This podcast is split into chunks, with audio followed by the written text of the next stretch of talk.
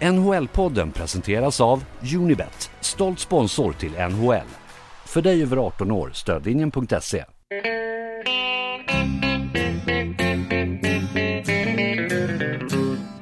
Hello out there, we're on the air. It's hockey night tonight. Tension grows, the whistle blows, and the puck goes down the ice. The goalie jumps and the players bump and the fans all go insane. Someone roars, Bobby scores at the good old hockey game. Oh, the good old hockey game is the best game you can name. And the best game you can name is the Hallå, good old hallå, hallå, hallå, hockey hallå, game. hallå, hallå, hallå, hallå, hallå. Yes, hallå och välkomna till NHL-podcasten med Jonathan Onskan Ekeliv som vi hörde där i hallåramsan från Örby, söder om Stockholm, Hallå. Älv, Älvsjötrakten. Ja, Eh, Och mig, Per Bjurman i New York City, i, här i advent. Ja. Vi är på väg mot tredje advent, det här avsnittet det är 443 om jag inte tar fel. det är helt korrekt. Mm. Eh, det är en dag försenat därför att eh, herr Onskan eh, var faktiskt på livehockey igår på, på Globen igen va? Nej, det är Hovet. ja, hovet. var den här gången, ja precis. Du som kallar mig smyg-djurgårdare, men jag var, jag var ju där för eh, Brynäs, vet du. Ja, det är ditt lag. Du, du har ju, även solen har fläckar. ja. Jo, jag har förstått att det inte är helt populärt. Nej. Ja, det var värre för innan jag flyttade hit. Då, var, då, då betydde sånt där mycket. Då var Brynäs och Färjestad ondska. Det var ondskan. Ja, exakt. Jag kallas ju Ondskan, så det finns väl kanske någon, något samband där. Men, Ja, eh, men Hovet har vi ju också sett på för inte så länge. Så för en månad sedan stod vi ju på Hovet och tittade på träningar. Precis, då stod vi där eh, nere vid ismaskinen och eh, apropå ismaskinen där var det lite kul att se alla min klenoder och gamla klubbor från alla Ja, möjliga Salming och gänget eh, som finns Ja, där. det liksom. hängde klubbor och skridskor och grejer inne i, i skrymslet där. Det är det man föreställer sig att det är i alla ishallar, i, Samboni-garaget. Ja, precis. Vi fick snacka lite med klassisk ismaskinförare där och det var, Just det, det, var, det det var mycket kuriosa där. Ja. En riktig Stockholm. Ja, räckte liksom. Tjena Bjurman alltså. Ja, Du kom hela vägen hit till Hovet alltså. Fan vad kul. Ex Ja, Exakt. vet du, Börje Salming. Ja, 79 eller sånt där. Vet du. Ja. Varför pratar inte du sådär? Du är ju stockholmare. Ja, nej, det, det, det är inte... Har inte jag vet inte, om- jag har ingen riktig dialekt. Tänk om du alltid lät sådär. Få höra igen. Ah, nu är NHL-podden. Ja, finns 473. Jag snackar lite Tampa va. Ja, ja. Nej, jag ska gå till... Jag, jag är inte riktigt bekväm med det ändå alltså. Ja, ja. Ja, men eh, ditt Brynäs fick stryk då. Ja, tyvärr fick jag ju bevittna en torsk. Eh, Ja. Jag har ju, det, det är ju, tyvärr är ju, liksom när jag är på plats på matcher för lag som jag håller på så, så går det ju i regel inte bra. Jag har ju riktigt dåligt record borta i Tampa och jag har varit på eh, två av eh, fem eh, finaler Tampa varit i och det är de två de har förlorat. Så att, eh, Du, är, du är en klassisk cooler, som det heter. I, Ja. i, Ve I Vegas har de ju sådana, påstås det ju, eh, som har den effekten på, på bord. Om, om, om ett bord blir för hett och spelarna som är där, gästerna vinner för mycket, då skickar de ut en cooler som ställer sig där och då slutar allt fungera. Jaha, ja, men jag, är- det är precis så jag. jag alltså, jag hade någon resa när jag, jag, jag brinner inte jättemycket för NFL och, och NBA och så här, men jag har ju några lag där som jag följer och jag, jag såg typ 8-9 matcher på den eh, USA-resan för 10 år sedan kanske och bara förluster. Att, Cooler, Ekeliv, Jonathan Ja. Coolen Ekeliv. Ja, ja, det är bra ja, att veta. jag ska hålla mig i Örby och bara titta på TV. Du får sluta titta på Sverige i World Cup och så, då får inte du Ja, nej, jag, får inte, jag får inte följa med till Milano om det blir OS där. Nej. Jag är bara att sitta i. Örby här istället. Ja. Ja, ja. ja eh, men, Hur är läget eh, med Bjurre då? Jo, det är väl, eh, det är väl helt okej. Det är ju, vi är verkligen inne mitt i lunken nu, men eh, december är lättare att, att stå ut med, tycker jag, än november och, januari och februari. För det är liksom, ja, det är ju högtider och det är en paus mitt i alltihop och eh, ja, man, man blir, tindrar ju lite med ögonen här. Ja, precis. Och nästa vecka är det dags för rimstuga för oss, så det blir ju kul också. Oj, oj, oj, det är så långt har inte kommit än. Jag, jag, jag tycker att jag pikade när jag kom med Steven med kniven. Ja, precis. Den är, den är svårslagen. Den har nog en, eh, vad kan det vara, en 5-6 år på nacken nu, men vi har inte lyckats överträffa det. Så. Nej. Men, Nej, vi får, får jobba på det. Men du, eh, ja annars så är eh, det är ju matcher, den här veckan är intensiv, det är matcher hela tiden. Vi hade Toronto här och nu har vi Anaheim här så att jag eh, följer ju då herr, eh, unge herr Karlsson. På plats. Just det, det är ju inte så dumt. Det piggar väl upp.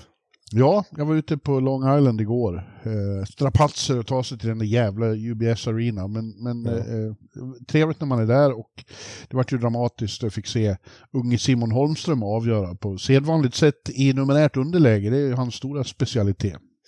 Ja, vi får nästan plocka upp den. Ja, vi får återkomma. om Ja, det. vi kanske tar, ja precis. Vi, vi tar det senare, Holmströms eh, strapatser. Mm. Ja, som vanligt har det ju hänt eh, mycket eh, under den vecka vi inte har, som har gått sen vi spelade in senast. Eh, Så vi ska gå igenom några nyheter här och den stora kioskvältaren var ju då förstås att här om kvällen när St. Louis floppade igen, i, eh, åkte på sin fjärde raka, tappade ledning mot Detroit.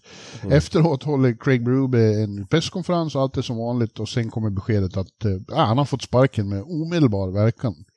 Precis, alltså eh, General Mansion där som har varit där väldigt länge. Dog Armstrong, han eh, kallade in honom på kontoret, öppna varsin bärs och sa Ja. att eh, nu har jag fått sparken.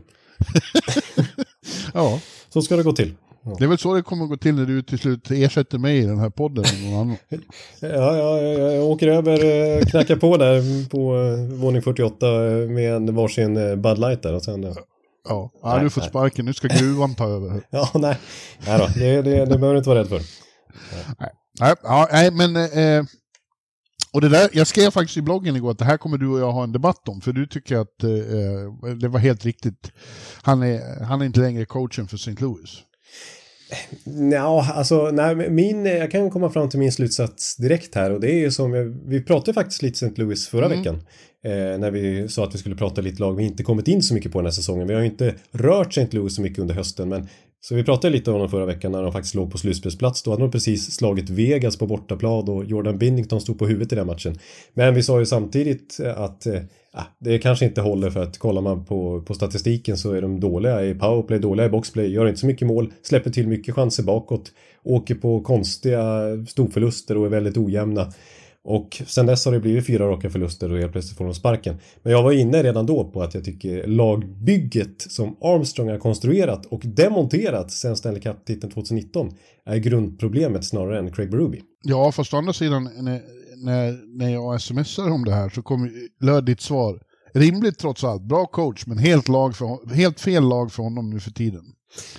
Ja, eh, Men det, är- det, är lika, det är lika eh, rätt att säga att eh, eh, helt fel lag för honom snarare än att han är... Eh, eh, hur blandar jag in det här? Ja, men jag förstår vad du menar. Men, men Ja. det, det är så jag egentligen menade. Att jag, jag tycker att Craig Berube är, är en bra coach. Och eh, alltså, det har han ju verkligen visat under de här åren i St. Louis. Men ehm, det laget han hade när de vann 2019 var ju ett lag fullt av karaktärer. Med så här tunga spelartyper som hans hockey passar och är anpassad för.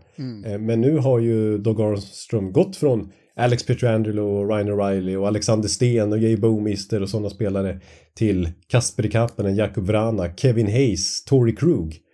Eh, Jo, men det är, inte, det är inte han som har varit en dålig coach för det här laget. Det är det här laget som har varit ett dåligt lag för honom som, om du förstår vad jag ja, menar. ja, men det, så, det köper jag. Mm. Eh, och, och det har ju varit reaktionen tycker jag i, i vad jag har märkt eh, i St. Louis också bland fansen och bland media där att Ja. det, det, det är ju Armstrongs fel här. Han har ju, han har ju byggt fel lag, precis som Ja, du men, säger. det, men då i så fall har jag eh, inte lyckats få fram min poäng för det är ju det, är det som jag har sagt hela tiden och även i previewn att det Armstrong jag- har förstört. Jag tycker inte jag har fått fram min heller, men Nej. vi, vi är överens ändå. Vi är överens fast vi tycker att, eh, ja precis, vi, vi, till slut så kommer vi enas vi här i, eh, när vi har debatterat lite. Ja. Ja, eh, och ja, jag såg till och med den vanligtvis väldigt vänlige Jeremy Rutherford som är beat reporter där sedan många år. Mm. Ja, han var upprörd över det här, att, att Armstrong har byggt ett så dåligt lag och sen sparkar coachen. Liksom. Det är han som borde bytas ut istället. Ja, alltså eh, exakt. Jag tycker att det är, det är märkligt och eh, självbilden är jag lite tveksam till också från Armstrongs sida. När han pratar om att han vill bygga upp en kultur. och- Alltså det, det står ju Bruby för. Han har ju verkligen etablerat en kultur med liksom hög kravbild och hålla en hög lägstanivå och alltid komma till jobbet liksom. Eh, Ja. och, och, och det var ju den typen av hockey han verkligen införlivade när han tog över St. Louis.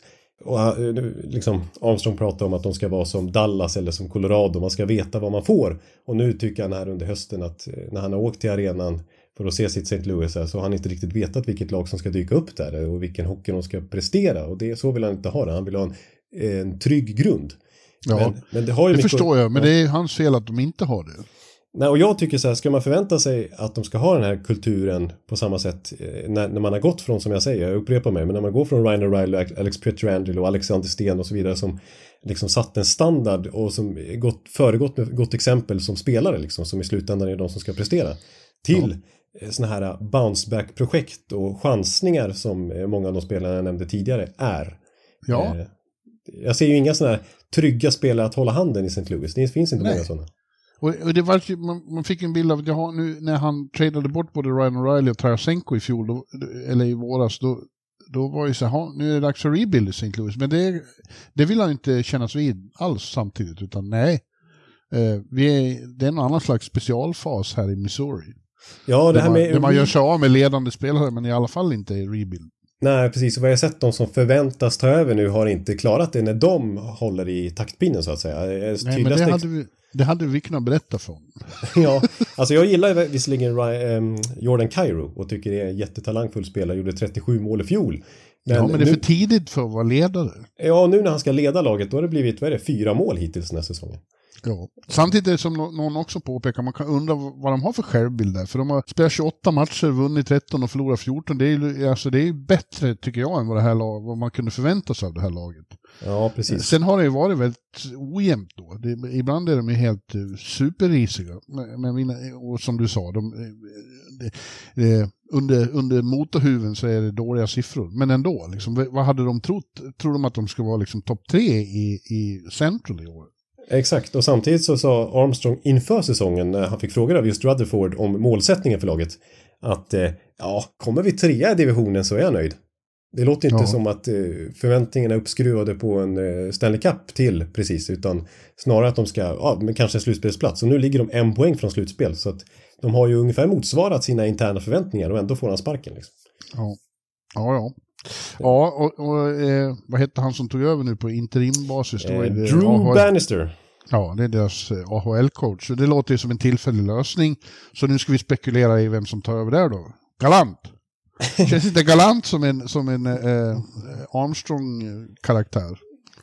Ja, eh, ja precis. Jo, rent sådär. eh, Alltså det är ju en som brukar få sprutt på grejerna ganska snabbt och som brukar ha lite eh, kravbild och kunna sätta ett försvarssystem. Jag har ju klagat lite på honom i slutspel här sista åren och, och sin matchcoachning. Men han var å andra, tog å andra sidan Vegas till final direkt till exempel. Men, Ja, jag tycker inte han är så jättebra, men det, det betyder inte att eh, Armstrong inte tycker att han passade.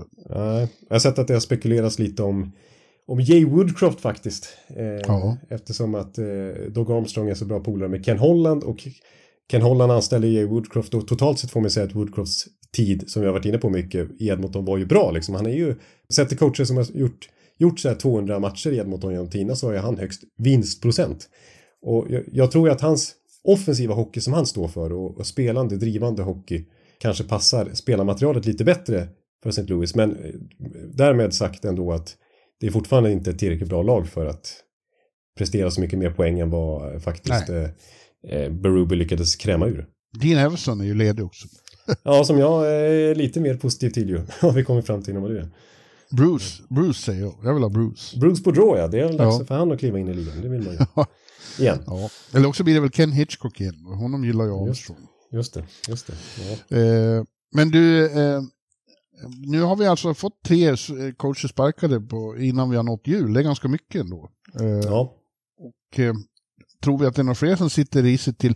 Det är ju några namn som återkommer här hela tiden. Det är DJ Smith i ett Ottawa som inte kommer ur. Ja, nu har de ju extremt mycket färre matcher spelade än alla andra. Det är väldigt ja, underligt. det är underligt att det skiljer så mycket från klubb till klubb. Ja, men, men eh, eh, det ser inte jättebra ut där. Och, eh, Lindy Ruff och eh, Lane Lambert, eh, det pratas ju fortfarande om dem, även om båda de lagen nu verkar ha ryckt upp sig ordentligt. Eh, både Devils och Islanders, inte minst Ja. Islanders. ja, vi kommer in på Islanders. Ja. Ja. I Eh, positiva ordalag den här gången. Mm. Ja. Se, Man kan ju börja, ja, vi kommer in på dem också. Eh, Dave Hackstall kanske inte sitter supersäkert i Seattle heller. Nej, trots att han väl har liksom fått ju förnyat förtroende, nytt kontrakt där, så redan nu ser det ju, jag menar, efter succén i fjol, vi som ska som sagt komma in på dem, så är de, det är en riktig pisspunka där den här säsongen och de halkar ju efter redan nu liksom. Ja. Eh, men jag, jag har en, en, innan vi kanske fortsätter på det här ämnet så har jag en till eh, liten kritik mot Doug Armstrong som jag inte tycker riktigt har framkommit. Eh, missmanagement från hans sida. Backsidan är ett problem, de släpper ju till väldigt mycket chanser och Colton Pareko har inte blivit den nya Alex Petrangelo som han hoppades då när som liksom, han skulle bli arvtagaren på riktigt efter Stanley Cup-titeln där. Eh, och eh, de har testat med Nick Leddy och det är Justin Falk och så vidare. Tory Krug var ingen lyckad investering.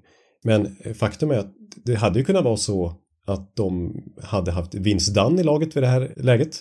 Som de släppte i expansionsdraften till Seattle. Nu är han en av de som spelar mest i hela NHL. Leder interna poängligan i Seattle, även om de går trögt visserligen då.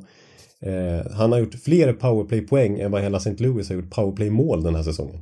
Mm. Han slarvar dem bort och där identifierade inte Armstrong vilken talang han satt inne på. Jake Wallman var ju en St. Louis-produkt som han skickade iväg för, som en del av flera komponenter i en trade till Detroit för Nick Leddy eh, för några år sedan. Och, och Jake Wallman spelar i första backpar och gör det väldigt bra ihop med Moritz Seider där. Eh, medan Nick Leddy är ju ett problemkontrakt för St. Louis nu. Så att han hade kunnat haft Vince Dunn, Jake Wallman i första backpar istället för de problemkontrakt man sitter inne på nu. Där, där gjorde han ju bort sig också. Mm. Ja, eh, om vi fortsätter med coacher som borde sitta i sitt, ligga i sig till så har Steve Sul eh, Mike Sullivan i Pittsburgh eh, inte fått till det än, även om de ju faktiskt bara en poäng från, från sista wildcard-platsen nu då. Mm. Eh, men det uttalade Kyle Dubas att han har fullt förtroende för, för Mike Sullivan, tror att han är den som ska leda Pittsburgh rätt. Eh, nu säger erfarenheten att sådana försäkringar inte alltid betyder så mycket.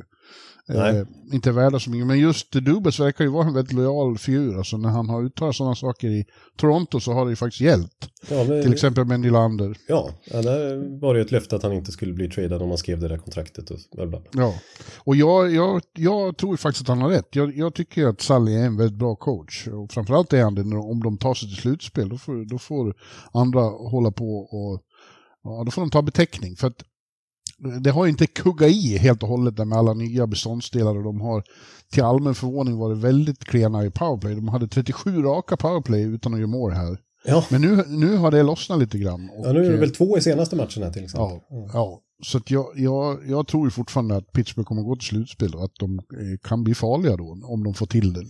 De däremot har ju faktiskt ganska bra underliggande siffror som tyder på att de är mycket bättre än vad de har fått ut i poäng Eh, och vi har ju sett till exempel på Edmonton var det likadant innan coachbytet visserligen då, men att eh, helt plötsligt så börjar man få utdelning och, och liksom möda för eh, lön för mödan så att säga. Och jag tror ja. samma eh, effekt kan hända i Pittsburgh utan att de nödvändigtvis måste byta coach.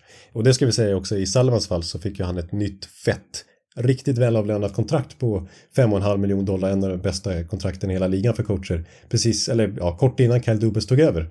Eh, som börjar gälla här väl om det är i år eller om det var nästa, nästa säsong som det börjar gälla. Så det är ju väldigt dyrt att sparka honom också om de skulle. Det sant brukar ju rika NHL-ägare inte dra sig för allt för mycket ändå kanske. Men det, det skulle Nej. kosta att eh, kosta väldigt mycket om man skulle bestämma sig för, för att uh, ta in en annan coach i alla fall. Ja, nej, jag, jag, jag tror på... Jag, jag, jag, har inte gett upp Pittsburgh. Nej, har inte. Nej, inte, inte jag heller. Eh, nej. Och inte har jag gett upp Edmonton heller. det, det, det kändes ju som att man var på väg att göra ett tag när de var så eh, otroligt eh, risiga. Eh, ja. Men eh, nu kan man lugnt säga att de har kommit igång, Edmonton. Ja, verkligen. Åtta raka segrar och elva med poäng är det väl va? Ja, precis. Och det blir väl nio här eh, snart eh, när de i natt ska möta mitt Tampa som är usla på bortaplan. Så jag räknar i nio raka segrar. ja, nej, nu ska du inte... Nu tycker jag jag är inte på plats i alla fall, så det talar för Tampas. ja. ja, men de, nu är de liksom en poäng från, från wildcard, sista wildcard-platsen och eh, fortsätter så här så är det ju ingen snack om att, alltså de lever upp till förväntningarna. Det här coachbytet var ju uppenbarligen lyckat. Liksom. Ja, för som du säger, alltså när vi spelar in det här klassiska Thanksgiving-avsnittet och gick igenom tabellen där eh, runt 25 november, eh, då eh, sa vi faktiskt det båda två att det är nog kanske lite för djup grop för att gräva sig ur. Liksom, eller ja, klättra sig upp ifrån. Mm. Vi höll ju på och, och tragglade om vår, vår eh, brasklapp, vår käpphäst om att man kan förlora i oktober och sen får man ägna för, för mycket energi åt att komma ikapp. Men, men eh, det har de ju verkligen lyckats med. Ja, precis. Och det, de har ju alltså eh, rent... Alltså de har ju tagit mest poäng väl i hela NHL tror jag sen han tog över. Conor McDavid, du kommer ihåg att vi konstaterade där långt in på, långt in på hösten att han låg 61 i poängligan. Ja. Nu, sen eh, Nog Black, hans gamla juniorcoach, tog över så har han ju alltså flest poäng i hela NHL. 28 ja. poäng på de här 13 matcherna sen coachbytet. Ja. Men det där pratade jag med eh, Mattias Ekholm om och han eh, fnös ju lite åt det där att, att McDavid hade fått kritik. Han, sa, eh, han har ju varit skadad liksom, och det har ju synts tydligt. Han har ändå varit bättre än de flesta men nu när han är, är, är hel igen så, så ser man ju, ja det blir ju en helt annan nivå. Han är på en nivå än alla andra, det liksom glöder om honom när han kommer in. Ja. Eh, och då är, ja, han är ju bäst i världen. ja, precis. Men det sa vi lite grann också att han, man, han, har ju, han missade några matcher med skada och han kom förmodligen tillbaks lite för tidigt eftersom att läget var så kritiskt för Edmonton. Och, ja. och spelade skadad. Men nu märks det ju att nu är han ju, nu är han ju helt överlägsen igen. Han gör ju helt sjuka mål här nu i december. Så, igen. Men sen måste jag bara återigen peka på det här med, för underliggande siffrorna är som sagt ungefär liknande som, som faktiskt med Woodcroft ju. Alltså, de, de skapade mycket chanser eh, även innan coachbytet. Ja, det sa de ju också att det var väldigt eh, konstigt liksom, att de hade så svårt att göra mål på så mycket chanser. Ja, och jag brukar ju prata om PDO, det vill säga eh, som brukar ligga runt 100 när man summerar en hel säsong. Eh, det vill säga skottprocent, effektivitet då, plus räddningsprocent blir en summa som, som sagt, runt 100. Där låg jag alltså eh, Edmonton innan coachbytet på 95. Man hade 87 procent i ett målvaktsspel, näst sämst i ligan innan coachbytet. Och man gjorde mål på 8 procent av sina skott, också halvdåligt. Eh, vilket ledde till 95 i PDO då. Nu med No Black så har man 90 procent i målvaktsspel. Det är fortfarande inte superbra men det är ju average kan man säga i ligan. Det är tillräckligt bra liksom. Och man skjuter 13 procent, alltså 13 procent av alla sina skott gör man mål på. Bäst i ligan sen coachbytet. Mm. Och det är en PDO på 103, det vill säga långt över vad man normalt sett brukar ligga på. Så att nu, nu är det ju tvärtom. Nu studsar det Edmontons väg. Nu har de självförtroende. Nu går de på instinkter igen. Nu studsar puckarna rätt. Nu, nu kanske de nästan överpresterar lite grann, men nu, är det, nu är, har det vänt verkligen. Ja, och sen heter det då att Stuart Skinner har varit mycket bättre i målet, men, men det känns som det sitter ihop när, när laget spelar bättre och har bättre utdelning. Då, då blir det bättre målvaktsstatistik i, i, i Edmonton också, ja. som hos alla. Ja, de, ja, precis. De har ju, det märks ju i defensiven efter Woodcrofts stora förändringar i systemet inför säsongen att de har gått tillbaka till lite mer riskminimerande och inte lika mycket turnover så att det är ju ett bättre försvarsspel nu Faktiskt. Mm. Och, och, ja. Sen, sen en, en rent konkret åtgärd som man kan lyfta fram som No Black har gjort jämfört med Woodcroft är ju faktiskt lite mer förtroende åt en sån som Mattias Janmark som har varit bra här på slutet.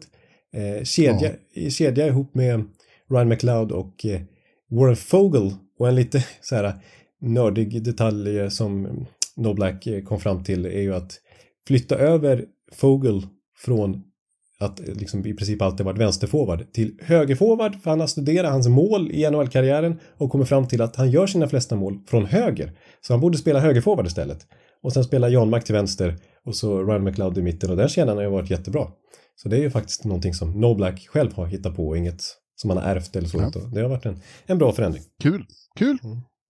Ett annat lag vi eh, har fått säga nu vid det här laget att vi hade lite fel om, jag tror fortfarande inte att de är något slutspelslag, men vi var ju övertygade om att San Jose Sharks var dömda till evig jumboplacering i år eh, och ja. kallade dem en skamfläck och eh, det sämsta laget i modern tid när de hade förlorat 11 rak, öppna säsongen med 11 raka förluster, inklusive två med, tio, med över 10 ja. mål insläppta, 20 mål på två matcher i Shark Tank. Ja. Men nu är ju San Jose Sharks plötsligt talk of the town. Eh, har, eh, var ute på en fantastisk roadtrip här för, förra veckan och veckan dessförinnan. Eh, och förde upp den med en ny, ny sensation hemma häromdagen.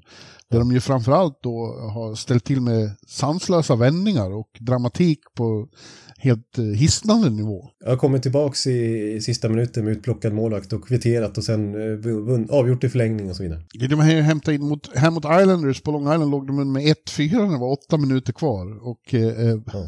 vänder och vinner på övertid. Lillfimpen avgör och får eh, Islanders coach eh, Lambert att säga att eh, och vi, begick, vi begicks en synd ikväll. Ja. Att förlora den här matchen. Ja. Ja, två, två dagar senare gör de om det mot eh, Detroit eh, och vänder, då låg de under med 2-4, men vänder och vinner. Eh, De kommer tillbaka även mot Vegas, får de till slut stryk på straffar då. Men även då ligger de under i slutet av tredje, kommer tillbaka och kvitterar. Och så eh, vinner de, när de kommer hem så slår de Winnipeg också. Ja, det är inga dåliga lag alltså som de har. De, det, och här i december har man spelat 7-8 matcher och eh, bara ja, missat poäng i en av de matcherna. Och det var en uddamålsförlust mot Rangers. Så att de, de, de här, det är ju verkligen inte tal om några 2-10 längre utan nu är de ju, alltså sen det, det var ju den där sista rikt, alltså eh, den där elfte förlusten då som också var en 10-målsförlust. Eh, 5 november tror jag, eller början av november i alla fall.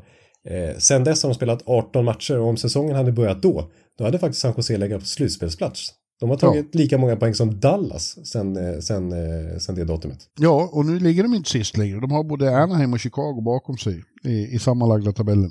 Ja. Eh, och eh, ja, det, är, det är nog intressant med det. Det var som att de liksom hit rock bottom med de där två superförlusterna och sen har det långsamt blivit bättre och bättre. Och nu, nu är ju känslan att ja, de liksom spelar som att de inte har någonting att förlora. De, nej, nu skiter vi, nu kör vi liksom. Eh, Ja. Ja. och, och, och det, det sa Fabian Zetterlund när jag hade kontakt med honom också, att vi, har, vi bara har det just nu och vi känner så fort vi gör ett mål, då känner vi att vi, nu kan vi, nu vi kommer igen, vi, vi, vi kan göra det här. ja, exakt. Och när det har hänt så många gånger nu så då är det inte någon tillfällighet. Då känner de att det de har det i sig. Ja, och det är kul att både han, de två svenskarna där nu då, han, Zetterlund och Lillfimpen, William Eklund, de är ju i högsta grad inblandade för det mesta. Två väldigt bra spelare. Ja, precis. Och de är ju alltså väldigt framskjutna roller. Båda är ju liksom solklara topp 6-spelare. Snittar ju över 18 minuter per match båda två och ibland ligger de över 20 båda två också. Eh, och liksom ja, powerplay och så vidare. Eh, Ja. Nästan 10 mål båda två hittills. Jag gillade Zetterlund redan när han var här i New Jersey. Han har ju ett jävla skott alltså. Eh, Ja. Och eh, Lillfimpen är ju fruktansvärt eh, alltså, energisk och ivrig och, och, och snabb. Och, Och skicklig också.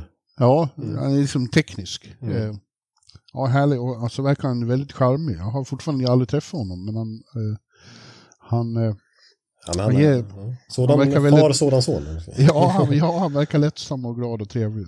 Ja, och för Zetterlunds del som halkade med lite grann i den här Timo Meyer-traden. Det kändes ju lite tråkigt för honom då att lämna ett New Jersey rejält på uppgång liksom i en sån trade och eh, hamna i San Jose. Visserligen med större förtroende kanske möjligheter i San Jose men liksom när vi såg då 11 raka förluster och behöva harva runt i det där laget kändes ju inte så kul jämfört med att ha varit i. New Jersey. Men nu, nu är jag menar, gör ju mål i var och varannan match här känns det som och och Ja. fram, väldigt framskjuten roll och PP och så vidare. Det, det var uppenbarligen ett lyckat byte för, för honom trots allt. Ja. Ja, så får han bo i San Jose. Det är roligare Ja, än det- New Jersey tror jag. The Rock. Ja. Eh, om, det är ju inte jättefint områdena runt omkring där. Det, det är det inte. Och eh, ja, nu bor de ju i och för sig inte Nej, där. Eh, eh, men, men ändå, det är trevligare klimat i, i, i Bay Area i, i Kalifornien än, än i, i, i norra New Jersey. Det kan jag tala om för dig. Ja, jag kan tänka mig det. Eh, och eh, ja, jag tror kanske inte det här håller liksom. De, de, jag tror backsidan ser fortfarande för, för klen ut och Ja. kanske har det varit lite underskattning från vissa lag man mött här också. Eh, och det Ja. kommer väl att, att ändras. Men, men ändå väldigt starkt gjort att liksom bryta sig ut det där mörkret som de befann sig i. Ja, en spelare som vi har varit kritiska mot i podden här sista året som har fått lite upprättelse de sista veckorna det, det är ju faktiskt Mikael Granlund. Ja, Eh, som är liksom point per game här eh, nästan den här säsongen faktiskt. De har varit ruskigt bra här sista matcherna, gjort väldigt, väldigt mycket poäng. Eh, och eh, jag menar, borttvingade liksom i, i Nashvilles retool och sen så hamnade han i Pittsburgh och skulle försöka lyfta där ihop med Crosby och Malkin och blev ett problemkontrakt istället och var ren lönedump när, i den där Erik Karlsson-traden. Och det var inte så att San Jose tog in honom för att de verkligen ville ha honom utan det var för att orkestrera den där traden rent matematiskt, ekonomiskt.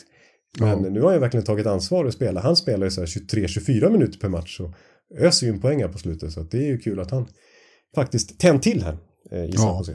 Jose. men, men den där Samboni-föraren på, på Hovet, han måste ju fram, vara jävligt förtjust i Lillfimpen, eller hur? Hur, hur låter det då? Ja, Lillpempen alltså, farsan vet du, han var ju inte så jävla bra med händerna men, men, eh, men sonen, vilka jävla skills alltså. Lillfimpen! ja, ja, ja, nej men eh, precis, just han kan jag tänka mig eh, som, har- som har sett båda två hur mycket som helst. Det, han måste glädjas enormt med Lillfimpens framgång. Ja. Ja. Ja. det känns väldigt stockholmskt. Ja, det får man säga. Familjen Eklund. Ja, eh, ett par till lag eh, som har gått bra, bättre kanske än vi hade trott. Eh, Nashville har vi varit inne på, nu är de på slutspelsplats på första eh, wildcard-platsen. Eh, Men jag sa ju att de skulle till slutspel i år, jag var ju nästan ensam om det. vill Jag har ju dem utanför för. slutspel. Ja. Mm. Det var ju du som eh, verkligen lyfte fram dem där. Jag har ju alltid lyft fram tränaren där, men jag tyckte inte spelmaterialet skulle vara tillräckligt för att... Men en sån som Filip Forsberg är ju riktigt, riktigt, riktigt grym alltså. Ja, ja, men även eh, Ryan O'Reilly och Gustav Nyqvist, jag visste väl att det var lysande eh, nyförvärv. Och den första serien är ju, är ju sylvass. Ja. Men framförallt tänkte jag då eh, Islanders som vi snuddade vi här i början, eh, som nu har vunnit fyra raka. Och efter segern igår då mot Anaheim som var, den, det, det har ju varit dramatiskt ofta, de har ju haft, eh, fansen har ju varit tokiga på att de tappar ledningar och inte kan stänga matcher och så. Det där, den där försyndelsen mot eh, San Jose var ju deras vändpunkt. Liksom. Så här kan det inte fortsätta. Och så dess har de vunnit fyra raka då. Och Anaheim igår, då tappar de också ledning. Och, men så avgör eh, Simon då från Tranås eh, eh, med en och en halv minut kvar i numerärt underläge. Eller det var ju så att eh, Anaheim drog på sin egen utvisning så det var avvaktande utvisning. Ja. Men han stormade iväg från, ett, från en penalty kill och, och smackade in pucken. Ja, och alltså nu eh, etta i den eh, poängligan om man kan kalla det för det, eh, alltså short-handed poäng. Och Ja, det är otroligt. fem poäng hit den här säsongen. Tredje målet var det va? Eller till och med fjärde? Något sånt i alla fall. Fjärde. Fjärde. Fjärde, ja. Eh, ja. Och han går ju från klarhet till klarhet, alltså han känns starkare och starkare. Han, han, ett tag spelade han i första kedjan med, med eh, Bersal och det kanske var lite väl, eh, eh, krävande, tjänst, krävande tjänstgöring. Men, men nu är han, eh, eh, han säger det själv också, ja, får mer självförtroende, får spela mer och så. Eh, Mm, Ja, och han verkar trivas ihop med just den rollen som lite mer defensiv eh, forward och gnuggare liksom med Jean-Gabriel Pachot. Ja, Och jag har sett alltså när han eh, spelar fram just Pachot till avgörandet mot Kings när Islanders blev första lag att slå Kings i en bortamatch för Kings så att säga. För Kings började säsongen år med 11 eller 12 raka segrar på bortaplan. just Eh, det. Så lyckades faktiskt Islanders eh, spräcka där och det var ju Holm, Holmström som spelade fram Peugeot direkt i förlängningen. Och det eh, påtalar jag direkt. Då väljer alltså Lane Lambert att starta förlängningen, inte med Barzal eller eh, Brock Nelson och så här, utan med Peugeot och Holmström. Det säger ju Ja. en del om förtroendet Holmström får numera också. Ja, ja men eh, jag var på presskonferens med, med Lame Lane eh, igår och han, eh, just de två pratade han väldigt, eh, alltså gav dem väldiga lovord. Eh, att de väldigt viktiga för laget och att han var imponerad av vad de gör. Och sanningen är ju, efter de här fyra raka segrarna så ligger de inte bara tvåa i Metropolitan, det är bara fyra poäng upp till blodsfienden på första platsen också, då, Rangers. Och jag får ju säga att det skulle inte vara dumt om det blev ett, ett, eh, ett race här mellan de två i, i toppen av Metro. Det skulle ju vara fantastiskt. Ja. Allra roligast vore om de möttes i slutspel. Det har de inte gjort sedan 94. Nej, exakt. Ja det, ja, det vill man ju verkligen se. Oj, Det är ofattbart oj, oj, oj. Att de har lyckats undvika varandra i 30 år i slutspelet. Men nu, det, är- alltså, 30-årsjubileum skulle ju vara något. Vilket jävla liv det skulle bli här. Ja. Oj, oj, oj. Ja, både på garden såklart, men även ute hos lillebror där som inte är så tyst av sig. Nej, de har ju lätt ligans mest hetlevrade fans. Så det blir ju hett när Devils och Rangers möts också. Liksom. Men Rangers Island, det skulle vara ett snäpp till. Alltså, då skulle det vara slaget om New York. eh, Och gud vilket, vilket eh, hallå det skulle vara. Ja, och, och, ja, verkligen. Och apropå rowdy fans ute på eh, Long Island där, alltså det var ju inte så att det var klang och jubel när John Tavares gjorde sin tusende poäng just Nej, där just heller här, här i veckan heller. Nej, då blir det burop igen. Liksom. Ja. De, de, de förlåter inte hans svek där sommaren 2018. Nej, nej, det sitter fortfarande som ett sår i hjärtat. Alltså. Ja, Ja. Men eh, jag vill återkomma lite grann till Holmström. Jag tycker, jag vet vem jag får lite vibbar av här nu när vi ändå pratar New York-klubb och sådär. Och smålänning och bra i boxplay och defensivt och jobbar Vänta, vänta, stenhårt vänta. och tränar Ja, vänta. favorit. ja vänta nu får jag tänka lite. Smålänning. Eh, eh, Nässjö. Jesper Fast. Jesper Fast, det är ju lite Ja, ja, fan det har du inte, det var inte dumt. Och Nej. dessutom så, så har de lite lika personlighet också. Han, är, Ja. han säger ju inte halv sju, Simon Holmström, man träffar honom. Man får verkligen vrida ur eh, citaten. Och så var det ju med Jesper också. Ja. Ja men lite, lite samma sådär alltså när de var i, nu, alltså, ja men jag får lite den känslan av eh, Holmström att det är lite så. Ja, det är väl inte så långt mellan Tranås och Nässjö. Nej det kan känns ju vara- som att det kan man göra på en eftermiddag utan problem. Men, eh, ja, nej, men att han är, Jag tycker en Stockholm ska vara bättre. ja, ja, ja jag ska sluta prata småländska. Men, eh, Norrtälje. Ja, Nej, men eh, han han har ju gått lite speciell väg och stack liksom, var, gick ju i första rundan lite överraskande av Islanders då. Jag tror att det är senast de har draftat någon i första rundan 2019. Sen har ju Lou skickat iväg alla andra första val de har haft. Eh, men så har ju varit eh, liksom, och som sagt lite överraskande att, att han togs redan i första rundan då. Eh, visserligen bra på juniornivå och när de vann J18 guld i Sverige så var ju han bra och sådär. Men då var liksom, sågs han som en skicklig offensiv spelare. Men efter, sen har det liksom inte riktigt lossnat för produktionsmässigt och det blir en väldig massa matcher över 150 i AHL. Eh, Men eh, han har samtidigt lagt på sig 12 kilo sen draften. Eh, och, och insett att han kan bidra på annat sätt än göra massa poäng. Och är ju, ja, nu är han ju liksom en Jesper Fast som verkligen har fått en fin NHL-karriär efter att också varit en skicklig offensiv spelare i Sverige. Eh, han har verkligen hittat den rollen Simon Holmström och nu känns det som att han har etablerat sig som en ja, men som en boxplay-specialist och som en gjuten NHL-spelare. Ja, ja, han gjorde flera säsonger i Bridgeport och man tänkte kommer han vara en sån här som tröttnar och åker hem för att han inte riktigt får chansen. Nej. Men nej, han, han har eh, bitit i och, och jag, jag blir alltid lite imponerad av de som inte ger upp. Nej. Nej, de är inte helt li- lika som spelare visserligen, men han kallas ju vad jag förstår i alla fall för Homer in, Ja. internt i, i laget. Oh ja, ja. Den nya Holmström i NHL. Ja, det är, ett, eh, det är ett, eh, en stor kostym att fylla och heta Holmström i NHL. Ja, men han har fått det smeknamnet nu och han börjar ändå liksom eh, göra lite rätt för sig. Normally, being a little extra can be a bit much, but when it comes to healthcare, it pays to be extra. And United Healthcare makes it easy with Health Protector Guard fixed indemnity insurance plans. Underwritten by Golden Rule Insurance Company, they supplement your primary plan, helping you manage out of pocket costs without the usual requirements and restrictions like deductibles and enrollment periods. So when it comes to covering your medical bills, you can feel good about being a little extra. Visit uh1.com to find the Health Protector Guard plan for you. Ja. Ja, vi ska ju nämna Washington också nu, två raka och eh, Tudson, vår speciella Capitals eh, general i Sverige. Ja. Eh, smsade mig så sent som igår och, och, och hävdade att vi måste prata om Charlie Lindgren, målvakten. Eh, att han har, varit, han har tagit första spaden av, av, av Kemper.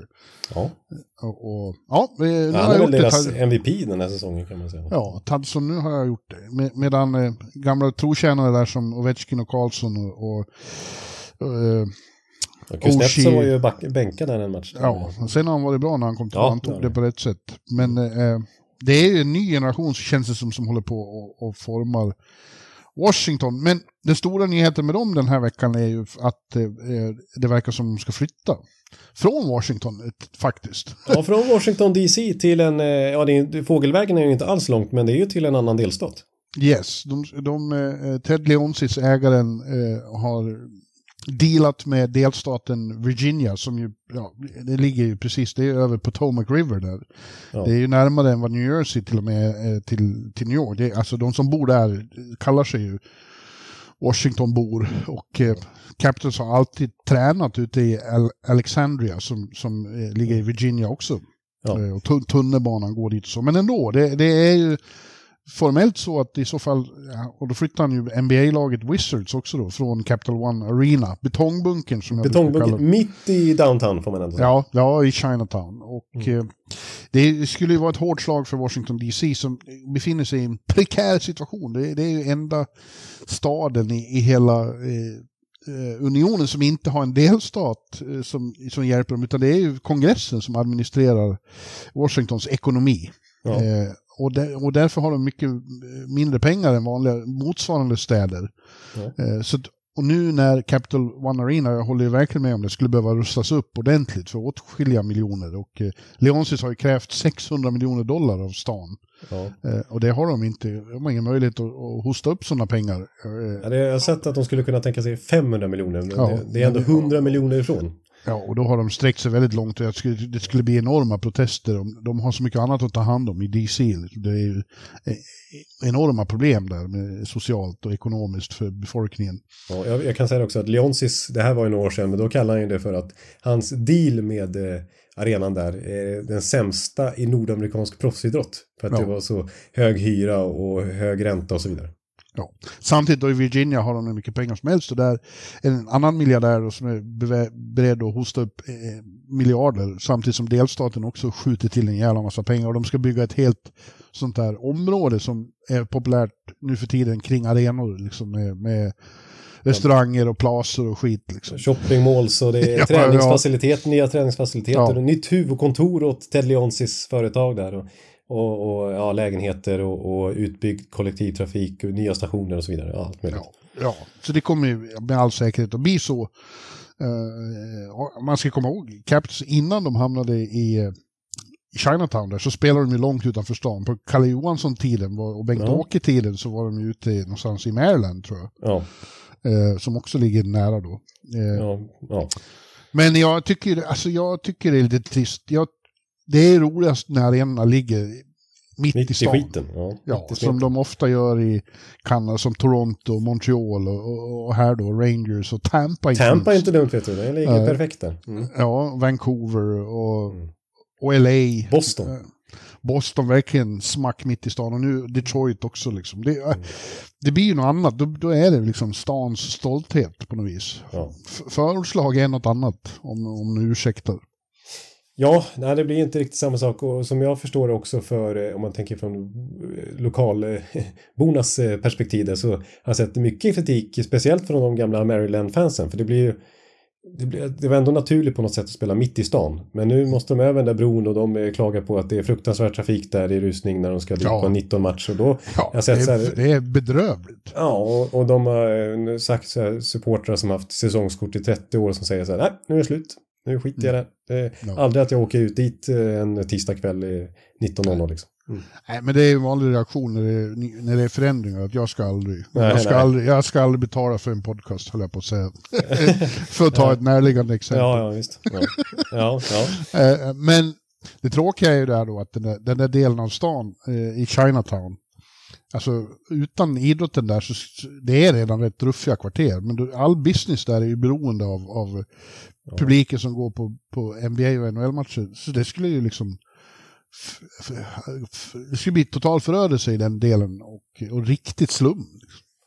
Ja, ja, ja, jag såg, eh, ja, precis. Väldigt mycket, eh, hela businessen runt det där som är beroende av NBA och NHL-laget. Ja, och det, Och- men det är ju sånt eh, ekosystem kring alla idrottslag här. Liksom. Det, det är ju lika i Sverige. Liksom. Ja. Hela Globenområdet där, ta bort, eh, ta bort Hovet och Globen. eh, Och den där, det blir inte mycket kvar för den där shoppingmålen där. Nej, nej, det är inte full fest där heller kan jag säga. Tisdag klockan 13.00 eller sånt där. Men, eh, nej precis. Men jag, och jag har sett, apropå The Athletic som jag hänvisade till och Beat Writers där, deras Washington-reporter där, tappar namnet på en, som skrev att... Eh, det är liksom. Ja, precis. Tarik El-Bashir. Ja, eh, som skrev att det är liksom ett, eh, ett eh, slag i magen. Alltså det är för en Washingtonbo eller så här. Alltså det, är, det är rakt in i hjärtat eh, det här Ja. bytet. Trots att ni som inte bor i Washington kanske tänker, eh, kolla på kartan, oj det är ju bara, det är ju jättenära ju. Det betyder ingenting det här. Varför, vad klagar ni om? Så är det, skulle det betyda jättemycket för väldigt många som bor där. Ja, det tror jag också. Det, eh, är mitt i stan. Man kan gå dit i princip. Ja. Ja, men, eh, men eh, det är som vanligt. Money walks och bullshit talks. ja, ja, precis. Och vi kan eh, slänga in det i sammanhanget också. Det är inte nästa säsong precis som den här flytten sker, utan det är alltså 2028 som är planlagt i nuläget om allting röstas igenom och så vidare. Så det, det är en process kvar innan det här blir en realitet. Ja, så Tadson och andra Caps-fans där hemma har tid på sig att åka över och gå på, i betongbunken och känna den rätt så speciella stämningen som är där också. I synnerhet i, i playoff eh, har det varit några gånger när jag har suttit och pratat med Henrik Ek. Vi sitter bredvid varandra och hör inte vad vi säger.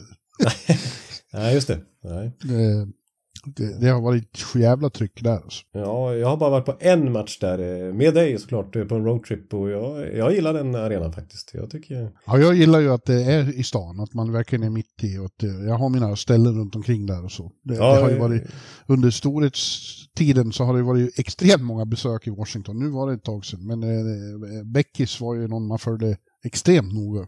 Ja. Under besvikelser och triumfer. Ja, just det. Alla möjliga känslor har du mött där och dela någon snus. Snus? Ja, eller inte delad kanske, men...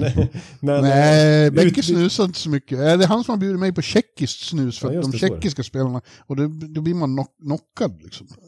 ja, jo, det är ju ruskigt starka grejer har jag förstått. Ja. Eh, ja, men, men eh, ja, vi har ju käkat köttfärslimpa man ska käka den? Och, Ja. ja, och, sen så på väg till matchen är det inga problem att gå och kolla på Vita huset eller Kapitolium. Det ligger ju Ja, eh, precis. Ovechkins skott därifrån.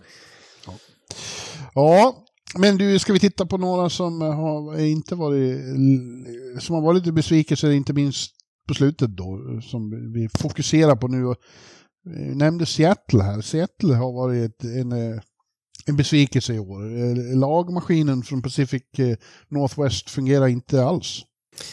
Nej, precis. De har ju, ja, de har ett gäng, inte fruktansvärt många poäng upp till slutspel, men de har ju spelat, de har ju spelat 30 matcher hittills. Till skillnad från, Ja. jag måste kolla nu hur många Ottawa är, nu är det en annan division visserligen, men de ligger alltså på 23, sju matcher fler. de är det Ja. lag som har spelat flest matcher Seattle Kraken och ändå är de utanför slutspel och har ju riktigt dåligt record och Ja, de hade ju, nu, nu, nu då bröt de förlustsviten med en imponerande 4-0-seger mot Florida. När Joey Dacord, eh, ja, Coachella Valley Firebirds hjälten, faktiskt gick in och höll nollan. Men dessförinnan hade de alltså åtta raka förluster ja, precis. i, i ordinarie matchtid. Ja. ja, det är ju precis. Det är ju De är bak- totala mo- mot, motsatsen till Edmonton. Ja, det är, de, det är deras sång tog olika vägar där i mitten av november. Ja. Eh, och apropå målvakten, nu kanske inte det gör någonting för att han har ju varit en delförklaring till eh, strulet för Seattle, eh, Philip Grubauer, men han är ju uppsatt på långtidsskadelistan. Så det blir mycket ackord här fram, framöver förmodligen. Men Grumar har inte varit något bra. Det, det, han är ju så ojämn, så han kan vara på den nivå han var i slutspelet. Så, då var han ju fantastisk. Liksom. Mm. Eh, slog ut Colorado nästan själv. Eh, Mm. och, och sen kommer det sekvenser när han liksom inte håller NHL-klass. Nej, nej precis. Men eh, vi, vi snackar ju inte precis upp Seattle i våran preview här i september heller, Nej. ska vi säga. Vi trodde inte på den här liksom, utvecklingen kanske, men vi, vi var ju inte eh, liksom, jätteimponerade av deras transfersommar, om man kan kalla det så. Det hände inte så mycket visserligen då, så då tänkte man att de skulle behålla ungefär samma kvalitet, men jag tyckte snarare att de blev lite sämre. Alltså jag föreslog, jag kommer ihåg på sommaren där, att de skulle gå efter en sån som William Nylander, eller försöka plocka in spets liksom, för att ta nästa steg, när de ändå fanns lite löneutrymme och det var det sista udden som fattades liksom. Men tvärtom så tycker jag att de på pappret blev lite sämre när de släpper iväg en sån som Daniel Språng som gjorde nästan 50 poäng i tredje fjärde i fjol och tar in en sån som Kelly Yamamoto som visserligen är från Seattle-området, vilket jag gillar, men som ju inte ens kunde pro- producera bredvid Conor McDavid i Edmonton.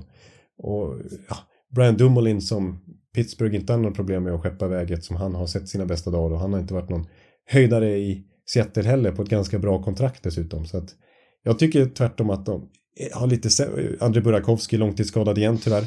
Så att, Ja. Jag tycker tvärtom att de, de är något kanske sämre på pappret än i fjol. Och apropå effektivitet och sådana här grejer så i fjol så hade de alltså högst effektivitet i hela ligan. Ohållbart eh, hög effektivitet sett till vad man eh, brukar analysera i, eh, när man kollar på siffrorna. Och i år så är de plötsligt tredje sist istället. Det är bara San Jose och Anaheim som har lägre effektivitet. Ja, men vi, det där har vi pratat om, att det, att det saknas spets då, att, att Burra skulle komma med den. Nu har han tyvärr varit skadad då. Ja. Men jag trodde ändå det här som vi såg i fjol, att de eh, var ett sånt kollektiv, och att det inte, de kompenserade genom att alla kedjor var ungefär lika, var jämbördiga. Liksom. Ja. ja. Men, men det har inte haft samma effekt i år. Nej, och en sån som Matt Benier som ändå kom in i fjol och bidrog med lite spets. Det sa, sa vi då att till skillnad från första säsongen, en stor eh, resurs året två var ju att Matt Beniers kom in och blev årets rookie. Men Ja. han har ju råkat ut för en så kallad sophomore slump som vi gillar att prata om i podden. Ja. Bara gjort va, fyra mål hittills den här säsongen efter att ha varit uppe i 60 poäng och nästan 30 mål i fjol. ja. Eh, Så det är många som eh, liksom lyckades väldigt bra i fjol som inte har kommit upp i den nivån i år. Eh, målvaktsspelet återigen problematiskt. Jag, vet, jag kommer ihåg att de på campen så pratade vi om att de skulle ge Shane Wright ju, som ju den tidigare förmodade draftettan som hamnade i Seattle istället. Att han skulle verkligen ge honom alla chanser bara möjligt på campen för att visa upp sig och få en plats i laget den här säsongen. Men eh, det, den tog han ju inte. Och, Nej, Ja. jag, min, mitt, det var verkligen ett ögontest. Den match jag såg i, i Palm Springs eh, när han spelade final. Mm. Han var ju inte någonting då. Nej. Eh, Med, med Firebirds. Han, var, han gjorde inget intryck alls. Han spelade typ i tredje kedjan i AHL-laget. Ja. Nej, precis. Nu har jag sett att han har gjort en del poäng i AHL den här säsongen, men det är fortfarande inte på den nivån att han givet ska kallas upp och som sagt han har fått chansen i några matcher nu här under hösten men inte gjort avtryck överhuvudtaget.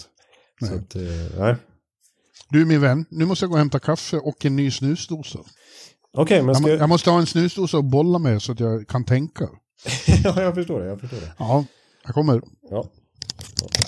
Ja, men eh, för att fortsätta lite på Seattle då som ser ut, ja, nu ska vi inte ta i, men eh, med tanke på att de har spelat så många matcher så är det ju lite skenbart att de är så nära slutspel. När de andra lagen kommer ikapp så tror jag att diskrepansen upp till slutspel kommer bli ännu tydligare för Seattle och att de kanske kommer snarare vara sellers vid den här trade deadline än buyers. Och då är det faktiskt lite snack om en svensk storback i Seattle, Adam Larsson, att han genererar mycket intresse runt om bland andra lag. Inte, han är ju ingen UFA. Ja, ja. Hallå där, hallå där, nu har du snus. Nu har jag snusdosan så nu kan jag inte- Det är ju en tick jag har. Jag måste hålla på, när jag skriver och när jag tänker så håller jag på att bolla med Ja, snusdosan. det har jag sett vara, många gånger in person så att ja, det, det måste vara full också. Det får inte vara för lite snus i den. Får inte väga för lite. Då blir det inte samma effekt. Det ska ha en viss eh, dignitet eller ska. Ja, en viss- tyngd. eh, ja, Nej, men jag, prat, jag kom in plötsligt här på Adam Larsson som det jag tycker jag har sett lite trade-rykten kring här på slutet. Eh, Inte Ja. så intensiva, men att väldigt många lag högre upp i tabellen och med ont om löneutrymme. Nu är det visserligen 4 miljoner dollar han kostar dem, men, men att de verkligen gillar att alltså, han är värd mer än 4 miljoner sett till hur han spelar. Alltså det han, den, han var ju grym förra säsongen. Han är högerfattad vilket ju är lite extra eftertraktat. Eh, och att få honom i två, två avslutande år på kontraktet för bara 4 miljoner i capita. Det är väldigt många lag som ser stort värde i det. Mm. Och eh, gärna skulle eh, trada med Ron Francis där. Så det kan är något att hålla utkik för efter eh, under vintern. Jaha, säg något lag. Eh, ja, det är klart man måste ju kanske, ja men eh, Toronto. Ja, ja de behöver ju en, en ny back nu när Klingberg är borta resten av säsongen. Ja, Mm. ja högerfattad dessutom. Ja. Ja, nej, men det finns några till, jag tror många contenders eh, faktiskt. eh, Kul. eh, Ja. Kul. Ja, du, vi kanske måste prata lite innan vi kommer in på eh, kvällens, eller dagens riktiga gräddtårta här. Eh, och skära stora härliga eh, bitar av den, alltså Sveriges World Cup-lag. Vi ska ju ta ut det. Ja. ja. Eh, men vi har lite, det har varit mycket tjafs om, om eh, skador och avstängningar på slutet också. Ja, vi kan ju prata lite om det. Det var ju trots allt, ja mycket i, i helgen inte minst var det eh, mycket surr om allt som hände där. Och, Ja. ja. Det var, vart ju uppmärksammat i Sverige för det var en matiné där E- Erik Gudbrandsson gav sig på, ja, vad hette han nu då? Nick Cousins var det ju som... Ja, och pucklade på honom något fruktansvärt. Så, eh, Valentina sa väl att jag kan inte ens se det här i, i Viasat-sändningen. Nej. Eh, och han då fick en match avstängning bara, vilket ju jag får hålla med om. I skenet av vad andra har fått på slutet så är det ju inte klokt. Liksom. Eh. Perron fick ju samtidigt en sex matcher avstängning. Och det var en väldigt ful crosschecking, men det var ju en situation där upprördheten ändå går att förstå. För att Dylan Larkin var knockad liksom, och låg medvetslös på isen. Mm. Eh, han gav sig då på fel person. Ja, han trodde att det var sub, backen Ja. Ottawa som hade gjort det, men han var ju helt eh, oförstående och eh, inte alls med i den situationen egentligen. Nej, nej, det var ju hemskt också. Så han kanske förtjänar sex matcher där. Han har överklagat nu. Eh, vi får se vad det blir av det. Men Gudbrandsson borde ju då ha fått mer. Ja, samtidigt ska vi ju nämna i sammanhanget att han hade fått en, en rätt ful smäll eh, in i sargen av just Cassins sex minuter Ja, men tidigare. det ska ju inte, det ska inte betyda någonting för avstängningen, vad som har hänt innan. Nej, nej, precis. Men det, det, är det har varit en serie av händelser här. Om man ska klumpa ihop det lite grann så, så har det varit mycket smällar i ryggen in mot sargen som har orsakat, eh, ja Jonas Brodin är ju borta nu, han är på långtidsskadelistan förmodligen med hjärnskakning antar jag. Ja, eh, för, en, för inte, ja, ja, ja fortsätt. Ja, det var ju Evander Kane som smällde honom och det gav ju inte ens en, eh, en utvisning och ingen avstängning heller. Nej, och, och Ryan Strom i Anaheim knätacklar Kyle Connor i Winnipeg så han är borta åtta Man trodde ju för att det här kan ju vara säsongen liksom. Det var ju mm. knä mot knä och Eh, ja, Winnipegs bästa spelare låg liksom utslagen och, Strom fick ju fem minuter för det. Men noll konsekvenser. Nej, inte en enda eh, matchavstängning.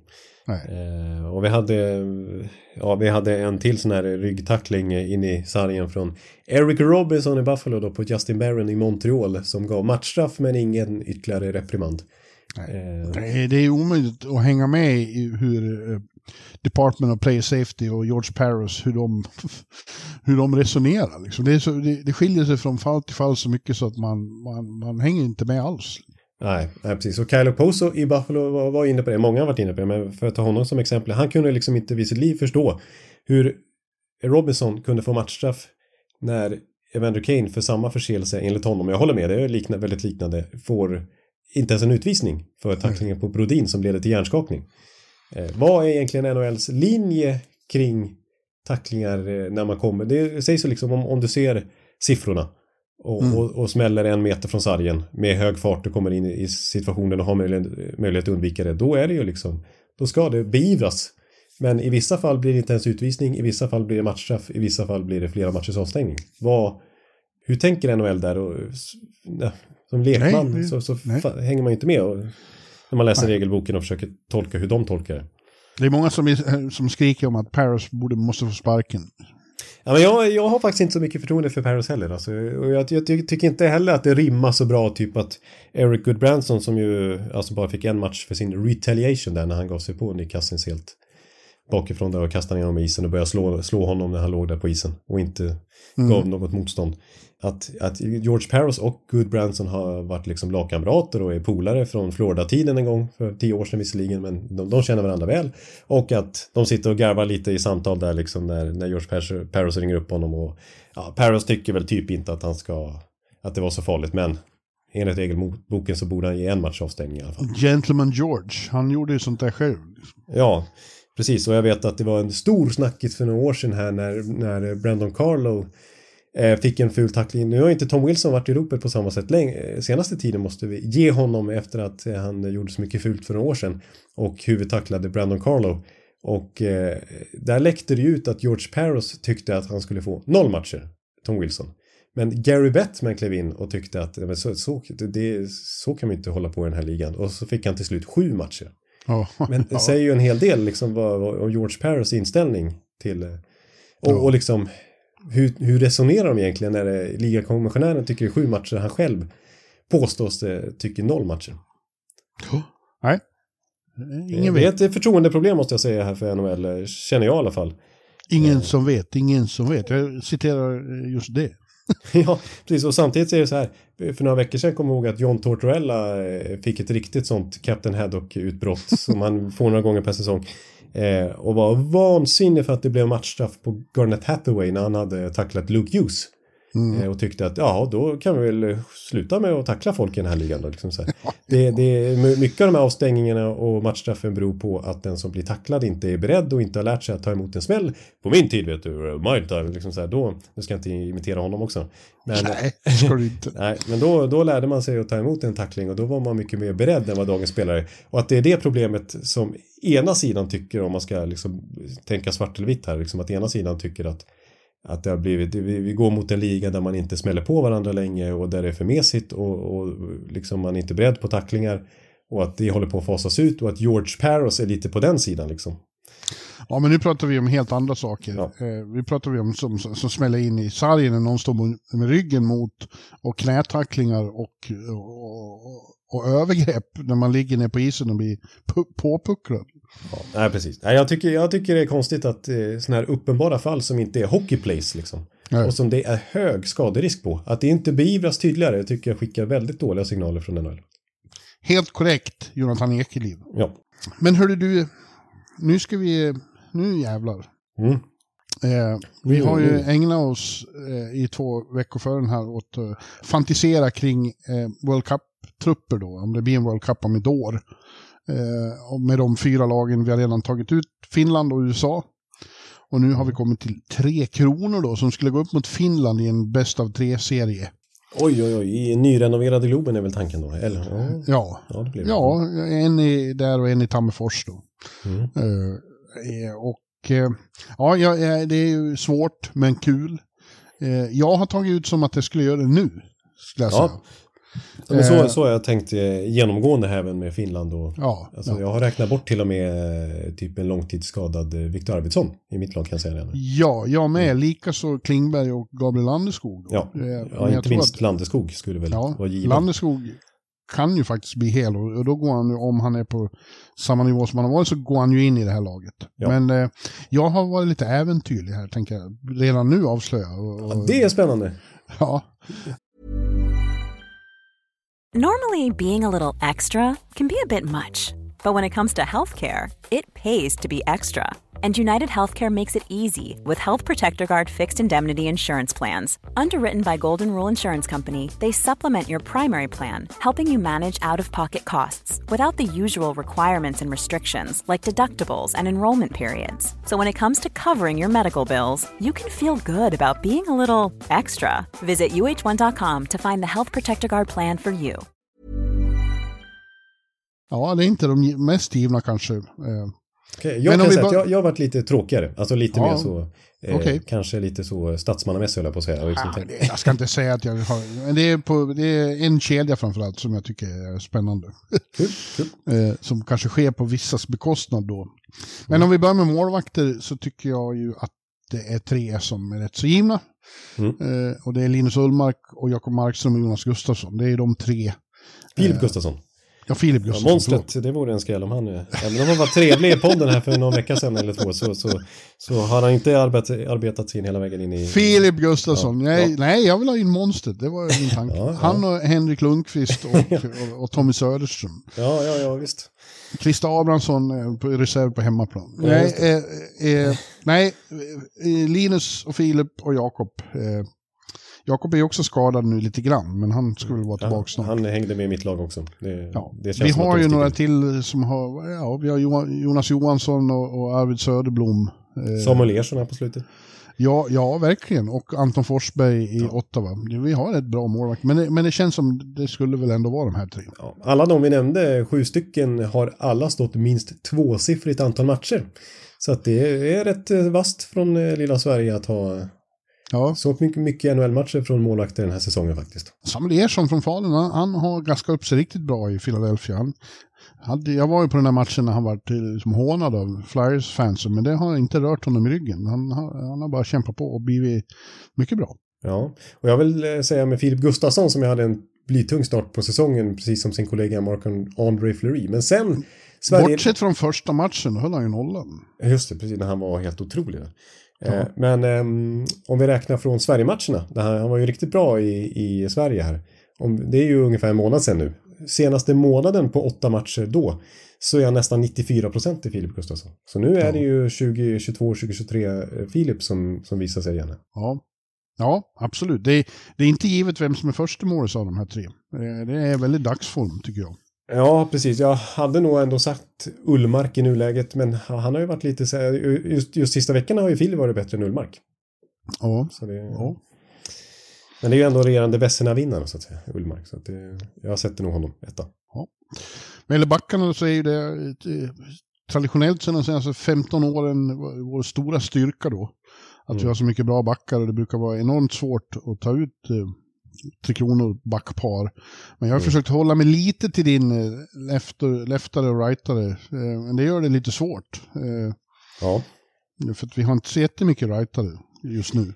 Nej, jag har lite Som är, problem som, är, med... för- som är friska och hela. Jag har de två första paren tycker jag är, är klockrena. Det är Erik och Viktor, det gamla klassiska. Ända sedan JVM har de spelat ihop. Ja, superpolare. Och right och left dessutom får du ju Ja, där. ja, ja jo, jag menar det. Eh, och lika är det då med de två Rasmusarna. Rasmus Andersson och Rasmus Dahlin är mitt andra backpar. Jag tror att det är ditt också. Eh, faktiskt inte, jag har en liten knall där. Jaha, jaha, jaha. Ja, eh, och sen, eh, ja, sen är det hugget som står, ja, och det blir inte två, det blir inte enligt din, som du vill ha det då, men det blir Mattias Ekholm och Hampus Lindholm. Mm. Men det finns ju många alternativ där med, med, med Gustaf Forsling och Adam Larsson och numera Oliver också som har varit så bra den här säsongen. Ja. Och med flera, med flera. Marcus Pettersson. Ja, Eh, Erik Gustafsson i alla fall, så som han eh, har varit i Rangers. Men det med den här konkurrensen så blir det såklart svårt för honom. Det är, det är så här att det är 13 svenska backar som snittar över 20 minuter per match den här säsongen. Det är ju otroligt bra. Jämför med Finland till exempel som vi pratade om här om veckan. Två backar över 20 minuter i snitt. Vi har 13. ja. Det är otroligt. Ja, men om jag ska eh, nämna mina backpar här då så har jag också Hedman Karlsson. Mm. Och sen eh, bryter jag det i andra där med right-left. Eh, ja, då sätter jag faktiskt Rasmus Dahlin med. En som jag tycker kroniskt underskattad som hade ruskigt bra den här säsongen fram till Evander Keynes tackling där. Jonas Brodin. Som Ja. när han spelade med Ryan Suter fick spela på sin off-sida så att säga. Och eh, då kommer jag ihåg att Ryan Suter totalsågade honom eh, någon gång, ja, helt oförklarligt för att han inte gillade att spela med han gillade inte att spela med en back som också hade samma klubbfattning och sågade därför Brodin. Men han är rätt så van i alla fall att spela på den sidan, Jonas Brodin. Eh, Så jag tycker, eh, jag sätter honom där. Och sen har jag då Hampus Lindholm och Rasmus Andersson och skäms över att peta Forsling och Ekholm som jag tycker är närmast. Alltså Ja. eh, Forsling, han är ju otrolig den här säsongen igen. Han var ju Paul Maurice favoritback när de gick hela vägen till eh, final och mötte alltid motståndarens bästa spelare. Neutraliserade ju liksom storstjärna på storstjärna, Auston Matthews till exempel och, och Ja. även Pasternak i, och så vidare. ja, han kanske ska vara med i forskning. Men Adam Larsson också, han är ju rightare. Ja, precis. Som jag eh, just berömde lite här. Ja, det är en ruskig, eh, ruskigt delikat problem får man ändå säga för eh, Sam Hallam att ha eh, de här alternativen som finns i överflöd. Ja. Ja. ja, men han har sitt work cut out för him när det gäller att komponera kedjorna också. Ja, det får man säga.